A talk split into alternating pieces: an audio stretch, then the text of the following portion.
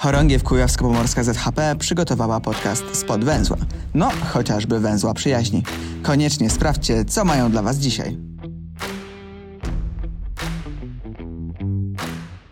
Dzień dobry i czuwaj. E, witamy bardzo serdecznie w drugim już odcinku e, podcastu Spod Węzła.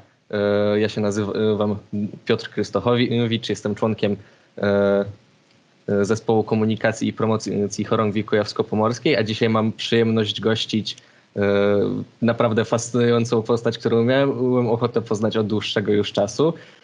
Druh Włodzimierz Domek. Czuwaj, dzień dobry, witam. E, I w tym podcaście będziemy starali się przybliżać e, pasje osób, które na co dzień znamy tylko od strony harcerskiej i e, Tutaj akurat z druhem mieliśmy mały problem, bo tyle, tyle druh ma zainteresowań i pasji, że musieliśmy wybrać tylko niektóre i dzisiaj będziemy się koncentrowali głównie na historii. I tutaj chciałem od razu zadać takie pierwsze pytanie, bo e, słyszałem od osób z E, drucha środowiska, że to wszystko zaczęło się dla drucha dosyć wcześnie, ta przygoda z historią. I czy może, żeby mógł właśnie nam druh opowiedzieć, jak zaczęła się, się ta drucha pasja? Znaczy, pasja zaczęła się zdecydowanie bardzo wcześnie, e, jeżeli o mnie chodzi, ponieważ pierwszą książkę, e, którą dostałem do ręki od mojej mamy, to była książka Złoty Faraon.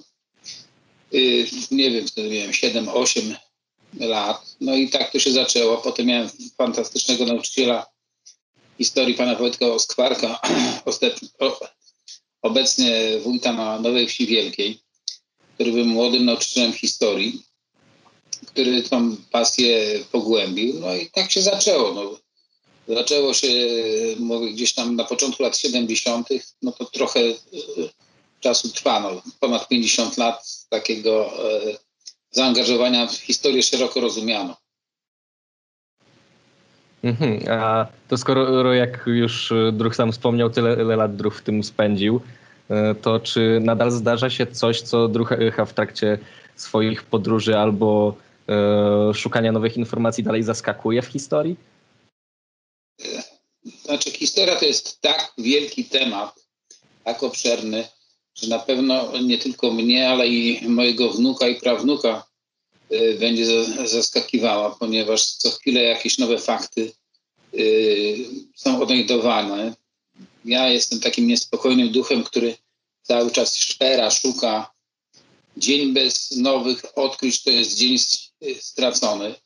Ostatnio zupełnie przez przypadek, prowadząc taką akcję znaczenia y, takimi szarfami biało-czerwonymi grobów y, zasłużonych mieszkańców Koronowa na cmentarzu trafiłem na y, wnuka burmistrza y, Koronowa, pana Lucjana Kosidowskiego.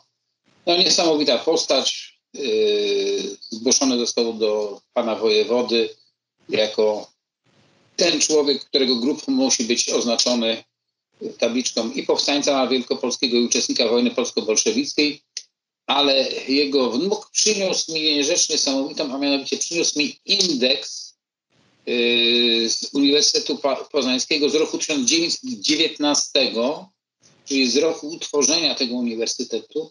Mało tego, ten indeks ma numer 212. Myślę, że w Poznaniu takiego niskiego indeksu nie mają, a człowiek, który mi to przynosił, tak mówi, no ja nie wiem, czy to ma jakieś znaczenie, to taka tam jedna z wielu pamiątek. No a jak ja to zobaczyłem, to coś niesamowitego. Przy okazji oczywiście fajne zdjęcia związane z historią Koronowa, z historią harcerstwa koronowskiego, etc., etc.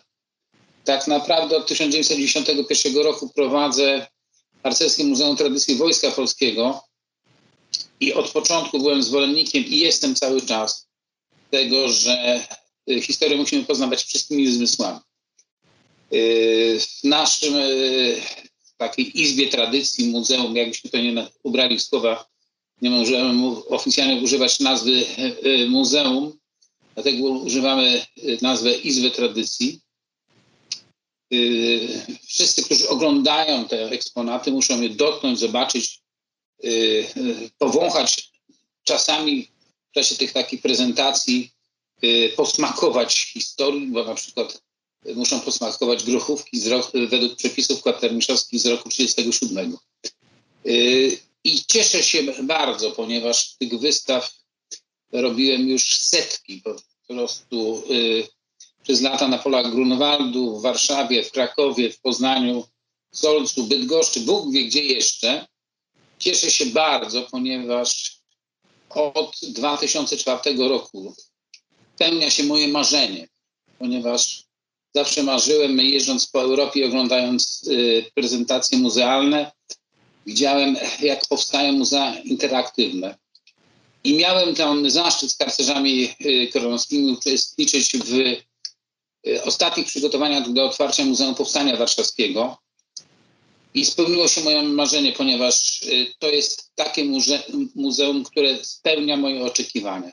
Harcerze koronowscy za tamten, tamtą pracę do tej pory mają darmowy wstęp do muzeum, chociaż przyznam wam szczerze, y, że na trzy dni przed otwarciem, kiedy weszliśmy tam na plac budowy, mówię, to tego się nie da otworzyć 1 sierpnia. A jednak przy pracy 24 godziny na dobę udało się zrobić. I była to jedna z najlepszych lekcji historii, jaka, jaką udzieliłem moim harcerzom, ponieważ 1 sierpnia obstawiali takie osoby jak pani Andersowa, Jan Nowak-Jeziorański, powstańcy warszawscy. No, bajeczna lekcja historii. Zresztą powtórkę mieliśmy w zeszłym roku, w 2019, kiedy byliśmy we wrześniu, no, no przez te bez mała 15 lat wielu tych, szara, tych członków szarych szeregów niestety odeszło na wieczną wartę. Natomiast nic nie zastąpi takiego bezpośredniego kontaktu z ludźmi, którzy przeżyli tamte wydarzenia. My na terenie Koronowa też mamy wspaniałych seniorów. Niestety no, natura jest nieubłagana i odchodzą nam, ale staramy się y, filmować, spisywać ich wspomnienia i nic nie zastąpi gawędy druhny Basi Kowalskiej przy ognisku i harcerze mogą dwudziesty raz słuchać o tym, jak czuje bagnet niemieckiego żołnierza, kiedy zostaje wyprowadzona z mieszkania przy ulicy Kościuszki, ale opowiada ona w tak ekspresyjny sposób, tak niesamowicie, że ta historia im sama wpada w ucho. To tyle, jeżeli chodzi o, o, o, o takie zaangażowanie y, historyczne. No nie wiem, w którą stronę druh y, będzie chciał pójść, y, jakie będą pytania, ale zamieniam się w słuch. E, właśnie teraz słuchałem trochę z wielką ciekawością i tak usłyszałem, że właśnie e, Druh też wykorzystywał e, te muzea i inne, można nazwać to atrakcje historyczne, żeby edukować swoich podopiecznych w harcerstwie i domyślam że się, że też nie tylko. I chciałem się zapytać, w jaki sposób druh czyni historię interesującą, bo też trzeba przyznać, że historia dla wielu, na przykład moich rówieśników, nie jest ulubionym przedmiotem szkolnym, a widać, że y, przynajmniej z rozmów, jakie y, przeprowadziłem z y, drucha podobiecznymi z Koronowa, to druh sprawia, że to jest interesujące. Znaczy, jestem zwolennikiem jest, że przemawiając do młodych ludzi, trzeba pokazać im, że historia to takie kręgi. Możemy mówić o historii Polski, ale powinniśmy mówić o historii województwa, historii powiatu, gminy, miasta, ale też o historii rodzinnej. Ja ubolewam bardzo, że od 20, gdzieś 15 lat, od momentu, kiedy pojawiły się supermarkety, kiedy się to społeczeństwo całkowicie skomercjalizowało, upadł przekaz historyczny rodzinny. Dawniej było tak, że dzieci z reguły nie miały prawa siedzieć przy głównym stole w czasie uroczystości, czy to związanych z weselem, z pogrzebem, pierwszą komunią, etc. Zawsze był jakiś tam dodatkowy stół, była jakaś ciotka, babka, wujek, dziadek, pradziadek, który tymi dzieciakami się opiekował, ale również opowiadał o historii rodzinnej. Może nie zawsze to była historia związanych z, no, z bohaterami, z jakimiś superczynami, z krzyżami virtuti militari i krzyżami walecznych, ale zwykła historia o tym, jak trzeba było przetrwać e, w czasach II wojny światowej. Ja miałem tą przyjemność, że słyszałem o I wojnie światowej, ale potem przyszły takie czasy, kiedy opowiadano o historii w PRL-u, o stanie wojennym, etc., etc.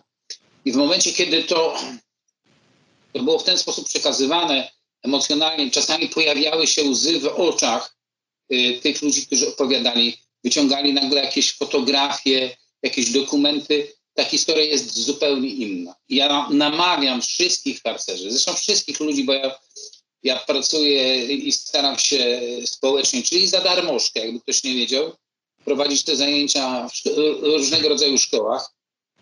Namawiam wszystkich, żeby cofnęli się właśnie do tej historii lokalnej. Y, dzisiaj przez harcerzy młodszych rozpocząłem taką akcję. Każdy harcerz młodszy Hucu Koronową ma znaleźć przedmiot związany z rokiem 1918. Zbliża się oczywiście 11 listopada, rocznica Święto Niepodległości. I y, jestem zwolennikiem tego, że przez ten przedmiot ten y, młody człowiek jest w stanie lepiej zapamiętać, zrozumieć tą historię, szczególnie w momencie, kiedy on będzie się kojarzył z jakimś wydarzeniem rodzinnym. To jest pierwsze. Poza tym druga rzecz, no nie można historii mówić na zasadzie opowiadać bla, bla, bla, bla, bla, bo tak się nie da. W związku z tym w moim przekazie y, historycznym bywają różne sytuacje. Czasami opowiadam powoli. Y, staram się tych, te, te dzieciaki może troszeczkę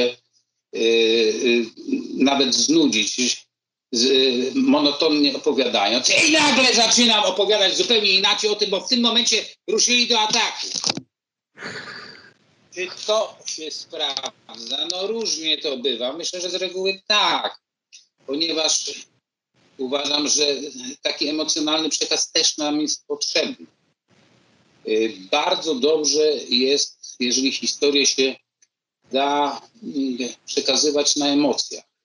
Na emocjach związanych z miejscami, symbolami, z aktywnym udziałem. To nie ma być tak, że te dzieciaki czy, czy młodzież, czy nawet dorośli siedzą i słuchają, jak to yy, drzewiej bywało, tylko kiedy w tym uczestniczą. No inny jest przekaz, kiedy opowiadasz o wojnie polsko-bolszewickiej, nawet jak pokazujesz mapę, a inny przekaz jest wtedy, kiedy dzieciak trzyma szablę yy, rosyjską albo, albo szablę francuską, która była używana przez y, żołnierzy polskich którzy walczyli w tej y, wojnie polsko-bolszewickiej. Ta historia nasza jest ukryta w różnych przedmiotach. Niektórzy się śmieją. Czasami mówię, guzik wam pokażę. Ale to jest tylko taki podstęp, bo na podstawie zwykłych, prozaicznych guzików, których całkiem niezłą kolekcję mam, jestem w stanie powiedzieć historię wszystkich formacji polskich yy, wojskowych w XX wieku. Czyli yy, naprawdę nawet w tak małych przedmiotach, tak banalnych by się wydawało, ta histori- historia jest zaklęta, jest ukryta. Tylko trzeba ją umieć po prostu wyciągnąć, pokazać i nauczyć dzieciaki, gdzie tej historii mają szukać. Myślę, że wiele tych przedmiotów, które tutaj y, udało się nam zgromadzić, to są takie przedmioty, które byłyby skazane na to, żeby były wywiezione na śmieci. Ja nie ukrywam, że wiele przedmiotów do naszej izby y, udało się uzyskać od śmieciarzy, y, ponieważ oni wiedzieli, że mogą do mnie zapukać i, i zawsze y, coś tam fajnego dla nich mam, a oni w zamian za to przy, przynoszą mi jakieś dokumenty, stare zdjęcia, które ktoś tam wyrzucił y, na śmieci to tragedia jest, że te takie albumy rodzinne z lat 20., 30. często są wyrzucane. Ja rozumiem, że czasami pewna rodzina się kończy, nie ma już potomków, ale zawsze są jacyś powinowaci. My tak w tym takim ikeowskim kreowaniu świata, czyli minimalizowaniu ilości przedmiotów, tworzymy sobie sterylne mieszkania, ale te mieszkania nie mają duszy nie ma ciągłości pokoleniowej.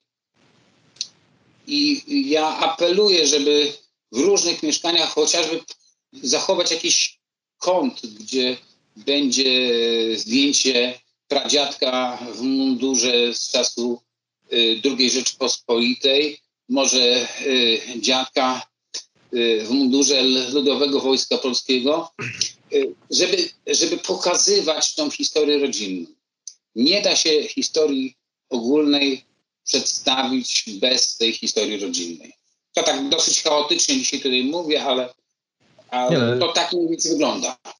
Y, ja z wielką przyjemnością Drucha słucham, więc proszę się nie przejmować. Właśnie jak y, Druch zaczął mówić o historii rodzinnej i y, o takiej historii lokalnej, to mi się przypomniał mój świętej pamięci dziadek, który właśnie w ten sposób przekazywał nam historię, kiedy na przykład rodzina jeszcze mieszkała na Kresach, które teraz są na Białorusi, albo opowiadał o dziadku, który walczył w trakcie II wojny światowej, więc w stu procentach rozumiem, dlaczego Druch uważa, że coś takiego jest bardzo potrzebne w edukacji młodych, bo dla mnie, na mnie to miało bardzo duży wpływ. I dlatego chciałem się też zapytać, czy była jakaś taka konkretna osoba, albo czy spotkał druh kiedykolwiek na, sw- na swojej ścieżce osobę albo odwiedził miejsce, które naprawdę wywarło takie konkretne wrażenie, zainspirowało druhę do czegoś? Znaczy, tak jak mówiłem, no, ja miałem to szczęście albo nieszczęście, że dorastałem czasach, kiedy Polska nie była suwerenna, czyli w czasach PRL-u i no dosyć wcześnie związałem się ze środowiskiem opozycyjnym, nie ma co tutaj ukrywać. E, również harcerskim, bo nie wiem, czy, czy wiecie, na, pewno wiecie, że e, już w latach 70., no a, w 80. to na szeroką skalę wiele y, takich alternatywnych niesformalizowanych ruchów harcerskich funkcjonowało w oparciu o Kościół katolicki. Tak fajnie to funkcjonowało w Krakowie, duszpasterstwo harcerskie Krakowie wydawało swoje gazetki, które były tutaj przywożone na nasz teren. Pamiętajmy również o tym, że no, na tej drodze spotykałem wielu ludzi. W Koronowie yy, wspaniale odrodziło się harcerstwo w 1945 roku jako pierwsze kraju na bezpośrednim zapleczu frontu, ponieważ front jeszcze był tutaj 2 lutego, w Koronowie zezwolono harcerzom na zorganizowanie pierwszej zbiórki. Komisarz e, e, rosyjski zezwolił na zorganizowanie zbiórki. On, on nie dlatego, że on był jakimś tam pionierem, skautem albo harcerzem. Nie, nie. On potrzebował dziewczyn i chłopaków do pomocy w szpitalach polowych, bo tutaj były trzy szpitale polowe. I zezwolono. I tutaj nagle powstało bardzo silne środowisko harcerskie, które skupiało 300 osób, które angażowało się e, w organizację szkoły, e, jadłodalni, e, półkolonii, organizowało imprezy, no, pracowało w szpitalu polowym. I to było no, traumatyczne doświadczenia dla dziewczyn, które miały 15, 18, 19 lat. No, można sobie wyobrazić, wyobrazić, co się działo w tych szpitalach polowych, jeżeli tutaj 286 żołnierzy radzieckich y, zmarło, jest pochowanych, tak? Także praca y, w tym miejscu była bardzo uciążliwa. I to środowisko wspaniale funkcjonowało do 1949 roku. I ono nie zaakceptowało tego rozwiązania. SB y, i, i z, przedstawiciele partyjni przyjeżdżali na obóz na przykład do Złotowa i dochodziło do spektakularnego zrywania krzyży z mundurów harcerskich. I to, to całe środowisko po prostu zamarło. Yy, chłopacy byli przesłuchiwani, aresztowano ich, proporcje zostały wszystkie skonfiskowane. Kroniki, bardzo patriotyczne yy, środowisko harcerskie, które potem yy, w latach 70, pod koniec lat 70. i 80. znowu się uaktywniło, już jako starsi, jako ludzie, którzy mieli swoje dzieci, a nawet wnuki, w następnej kolejności, oni bardzo motywowali młodych ludzi do tworzenia takiego autentycznego, spontanicznego, patriotycznego yy, harcerstwa, gdzie były zrównoważone yy, dwa hasła. Ojczyzna, nauka, cnota i Bóg, honor i ojczyzna. Tutaj był znak równości. I to było wspaniałe środowisko, ja z środowiskiem przez długi okres czasu współpracowałem i współpracuję, no bo teraz niestety w czasach pandemii ruch Natesia Malikowska, która ma 84, nie mogę powiedzieć, to kobieta, lata jest jednym z głównych łączników, jeżeli chodzi o pomoc mm, seniorom, a przechodzi ulicę Dworcową najszybciej w Koronowie. Nikt tak szybko nie chodzi po tej ulicy jak, jak ona. I to środowisko wspaniale funkcjonowało. Ale miałem przyjemność i poznałem na przykład e, adiutanta Józefa Piłsudskiego. Marszałek Piłsudski miał wielu adiutantów. Również w czasie jednej z takich wycieczek poznałem. E, bywałem na, w latach 70. E, na mszach świętych w kościele mariackim. No i to było niesamowite Y, takie doświadczenia, kiedy ocierałeś się o autentycznych legionistów, no bo ja, ja ich jeszcze fizycznie mogłem poznać.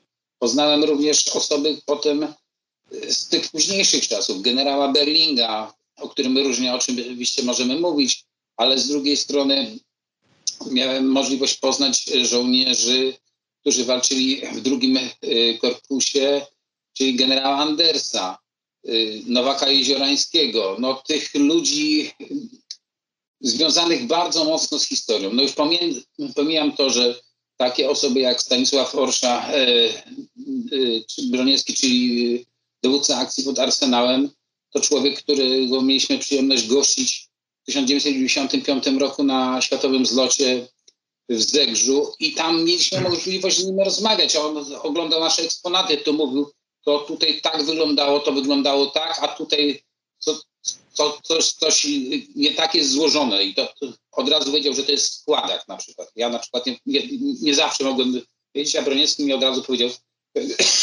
to jest składak. Czyli tych ludzi takich miałem to szczęście, że mogłem poznać bardzo, bardzo wiele.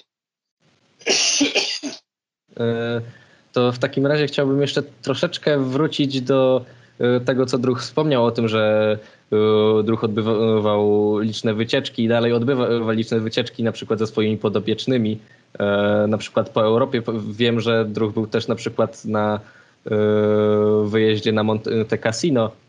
I chciałem się zapytać, czy jest jakieś miejsce, które Druch chciałby odwiedzić, a którego go jeszcze Druch nie zobaczył? Czy jest, takie, jest taka lista jakaś miejsc, które chciałby Druch odwiedzić?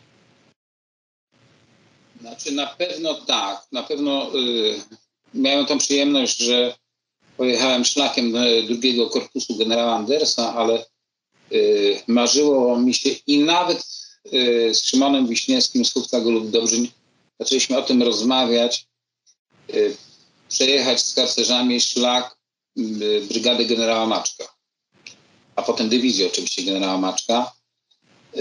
Od Fales po Wilhelmshaven to by było też fajne e, e, doświadczenie. No nie, nie udało mi się być w Arnhem, gdzie walczyła Brygana Sosabowskiego.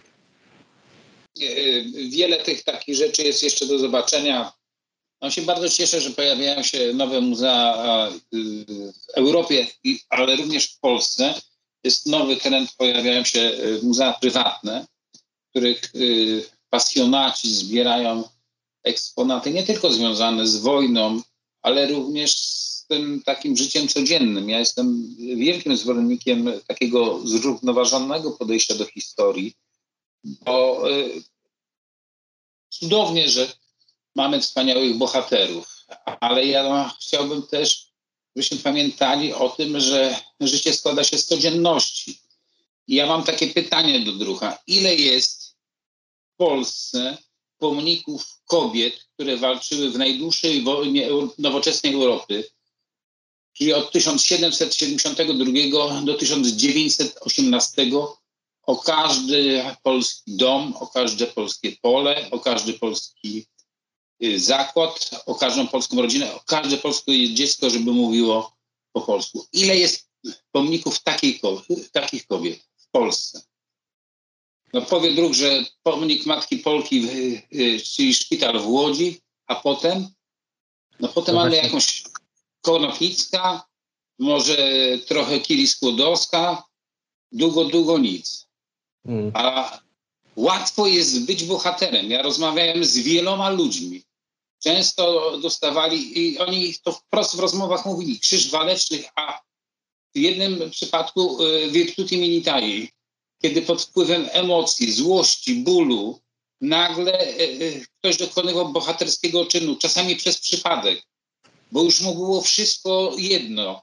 Leciał z granatem odbezpieczonym, potknął się i granat mu wyleciał z ręki i wpadł do niemieckiego schronu i go rozwalił. Tak? I on jest bohaterem w tym momencie. Tak? Jednorazowy czyn, na pewno bohaterski. Tak? Nie nam tego ocen to oceniać. Natomiast z drugiej strony mamy fantastyczne kobiety, które codziennie, codziennie rano wstawały. Tutaj na naszych terenach, na Pomorzu, na Kujawach, ósemka, dziesiątka dzieci to nie był żaden wyjątek, żaden ewenement. One wstawały, oporządzały te dzieci, y, dbały o to, żeby one uczyły się pisać. Ja nie wiem, do tej pory zastanawiam się, jak kobiety, które miały skończone cztery szkoły, y, y, cztery klasy szkoły podstawowej, potrafiły tak ładnie kaligrafować. Ja myślę, że mało który obecny maturzysta tak potrafi pisać, jak te kobiety pod koniec XIX wieku, kiedy już tutaj nie można, nie było lekcji w języku y, polskim, bo był tylko niemiecki i jedyny polski to, był, to była religia, która oczywiście e, e, przez Prusaków miała być wyeliminowana w języku polskim. To było zarzewiem e, strajku szkolnego 1906 roku, no tutaj w tym przypadku na terenie e, Koronowa.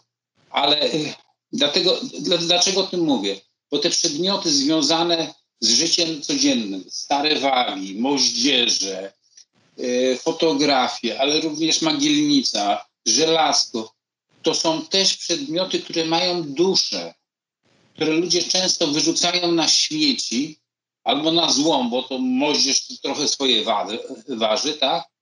Nie, nie bacząc na to, że tym, tymi przedmiotami operowała jego pra, prababcia albo prababcia i, i, i to, to, to była też swoista walka o utrzymanie polskości. My, my, my tak zbyt y, bardzo przywiązujemy się do tego y, męskiego patrzenia na historię. Nieszczęściem historii polskiej jest to, że w większości ona była pisana przez facetów. I ten motyw wojenno-bohaterski jest szczególnie pokazywany, natomiast ten y, y, wątek żeński i takiego codziennego patriotyzmu, patriotyzmu y, jest mniej wyeksponowany. A w obecnym czasie właśnie ten patriotyzm codzienny, który składa się na to, że dobrze się uczę, dobrze pracuję, yy, płacę podatki, etc., etc., jest bardzo ważny, a kto wie, czy nie ważniejszy, bo to jest sposób na walkę Polaków o miejsce wśród narodów europejskich. Zupełnie inne podejście do tego zagadnienia. Dlatego też tak mówię, że tutaj yy, yy, to jest bardzo ważny element, o który trzeba, yy, nad którym trzeba się pochylić o, i o który trzeba walczyć. Hmm. To jest naprawdę niesłychanie y, nie w ogóle trafne spostrzeżenie z drugiej strony i nawet szczerze, że od tej strony nie myślałem i się zastanawiałem nad tym, jakie takie ładne pytanie zadać, żeby zakończyć ten wywiad, ale myślę, że to, te drucha stwierdzenie y, nie, y, na temat tego codziennego patriotyzmu i zwracania uwagi na na przykład to, jakie poświęcenie nie kobiet na przykład się pomija, jest chyba najwspanialszym podsumowaniem, jakie, jakie można znaleźć tutaj. Ale też chcę jednak się zapytać, czy ma druh jakąś dodatkową myśl, którą by chciał yy, by druh zostawić naszym słuchaczom na koniec? Ja nie wiem, tutaj myślę, że e, kochajmy swoją e, historię, ponieważ przez tą miłość do historii sami się dowartościowujemy jako naród. My potrzebujemy takich elementów związanych z tożsamością. Toż, tożsamością narodową, ale również tożsa, tożsamością związaną z, na, z pewnym regionem. E, I historia jest takim narzędziem, dzięki któremu można budować tą tożsamość, tożsamość ziemi koronowskiej, powiatu bydgoskiego, województwa kujawsko-pomorskiego. sobie zobaczcie, zobaczcie, jak to jest. kiedy spytacie w Krakowie albo w Lublinie, ja to testowałem w Lublinie na zjeździe historyków polskich w zeszłym roku, y, z czym się kojarzy województwo kujawsko-pomorskie, to mówili no Toruń, Mikołaj Kopernik, może trochę Bydgoszcz, Włocławek. A jak się spytałem, a Biskupin, a na Biskupin to już jest, y, to już jest Wielkopolska, a Koronowo a, nie słyszałem, tak? A Tuchola niekoniecznie. My musimy y, jako województwo, jako powiat, a również jako ziemia koronowska, tutaj gmina, y, jak najwięcej starać się promować tych elementów łączących nas jako społeczność, bo w ten sposób, budując te społeczności lokalne, tworzymy i budujemy społeczność naszą, polską, jako pewien konglomerat tych małych społeczności. To jest budowanie naszej własnej tożsamości narodowej w taki nowoczesny sposób. Dlatego my mówimy o takim profesjonalnym patriotyzmie, dzięki któremu w sposób nowoczesny, modyfikując formy, metody pracy, uczymy młodych ludzi historii. Silne lokalne fundamenty budują silniejszy kraj. Dokładnie tak. Dobrze, to w takim razie już byśmy, już chyba bym podziękował naprawdę serdecznie Druchowi za tą rozmowę. Mi się niezmiernie miło Drucha słuchało. Mam, nadzie- mam wrażenie, że e, słuchacze też mieli niezmierną przyjemność. I mam nadzieję, że, że e, może jeszcze kiedyś się spotkamy, może w kolejnym odcinku. Serdecznie zapraszam, nie tylko historia. Możemy porozmawiać o malarstwie, o sztuce e, szeroko rozumianej. Możemy porozmawiać o geologii, możemy porozmawiać o ornitologii, możemy po, po, porozmawiać o geografii. To są e, te e, tematy, które mnie interesują i, i, i które staram się zgłębiać. Ja przepraszam wszystkich słuchaczy, że, że tak dosyć chaotycznie to, to było wszystko przedstawione, ponieważ no, tak zostałem wyrwany z marszu, no ale myślę, że starałem się Wam pokazać, że warto poznawać historię. Naprawdę myślę, że słuchacze nie będą mieli kompletnie za złe. E, więc jeszcze raz dziękuję bardzo Druchowi za tą rozmowę i zapraszam słuchaczy do śledzenia dalej naszego podcastu i wyczekiwania kolejnych odcinków. Dziękuję bardzo i czuwaj.